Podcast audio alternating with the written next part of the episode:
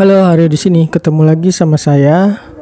Seperti biasa, saya akan ngebahas tentang investasi, pengelolaan keuangan, dan juga digital marketing yang tujuannya tentu aja untuk bisa bantu kamu bebas finansial. Kali ini saya akan ngebahas tentang 6 hal yang bisa menyebabkan penjualan online kamu itu kurang maksimal. Era internet ditambah era media sosial telah melahirkan banyak peluang dalam berbisnis. Salah satunya peluang untuk berjualan. Kamu bisa berjualan secara langsung dengan menggunakan website atau aplikasi sendiri. Bisa juga kamu berjualan pakai media sosial. Kamu juga bisa jualan menggunakan marketplace. Kini berjualan nggak perlu dilakukan uh, dengan menyewa toko atau keliling kampung nggak perlu lagi jualan di pasar atau mall. Kini orang bisa kapan aja berjualan tanpa membutuhkan modal yang sangat besar.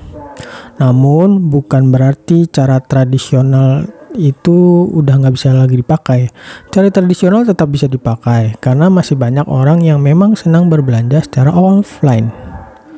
Penjualan online meskipun bisa dilakukan dengan modal yang sangat kecil, namun memiliki tantangan tersendiri. Salah satu tantangannya adalah penjualan yang kurang maksimal. Berikut beberapa hal yang bisa menyebabkan penjualan uh, online kamu kurang maksimal. Yang pertama, tidak memaksimalkan perangkat mobile. Saat ini, kebanyakan orang tuh ngakses internet pakai ponsel Bahkan akses internet pakai PC atau laptop itu mulai berkurang. Media sosial, belanja, hiburan, komunikasi, sebagian besar itu diakses pakai ponsel. Jadi, kalau kamu berjualan online, maksimalin penggunaan ponsel. Kalau kamu berjualan menggunakan website, pastikan tampilan website kamu itu bisa diakses melalui ponsel dan gak berantakan ketika diakses melalui ponsel. Buatlah desain produk serta tampilan jualan kamu yang memang cocok untuk tampilan di ponsel. Serta jika kamu beriklan, jangan cuma beriklan hanya untuk pengguna PC atau laptop, tapi beriklanlah juga untuk para pengguna ponsel. Lalu hal berikutnya adalah kualitas foto yang buruk. Foto itu merupakan salah satu kesan awal yang akan didapatkan oleh target market kamu ketika mereka mengunjungi toko kamu. Untuk itu, pastikan kamu itu menampilkan foto yang bagus dan jelas.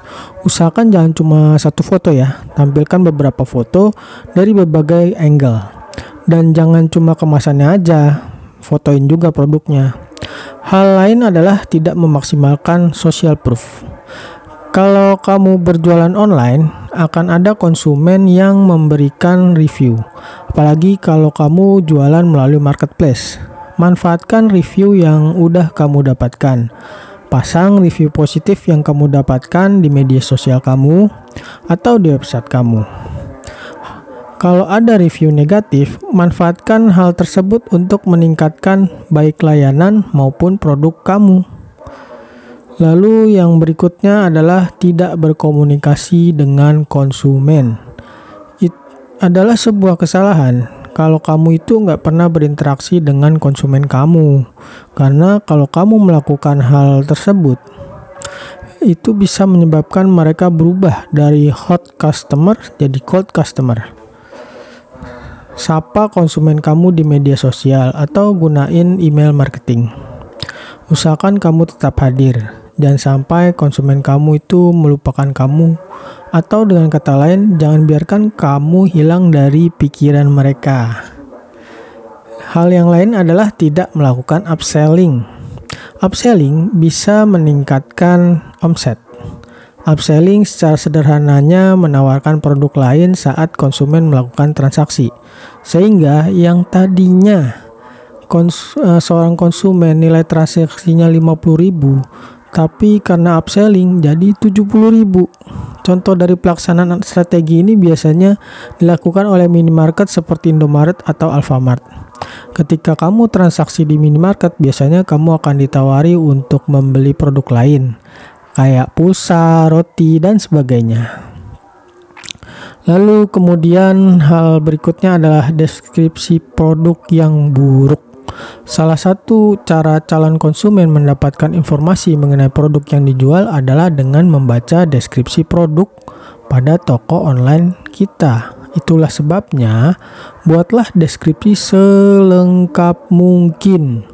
Banyak sekali calon konsumen yang nggak jadi beli cuma gara-gara deskripsi produknya kurang lengkap. Mereka pindah ke toko lain. Uh, hanya gara-gara deskripsi. Nah, itulah tadi 6 hal yang bisa menyebabkan penjualan online itu online kamu itu kurang maksimal. Karena berjualan online itu bukan hanya sekedar ada produk dan market. Lalu kamu posting jualan kamu di marketplace atau sosial media dan kemudian tinggal tunggu transaksi. Berjualan online juga tetap memerlukan usaha.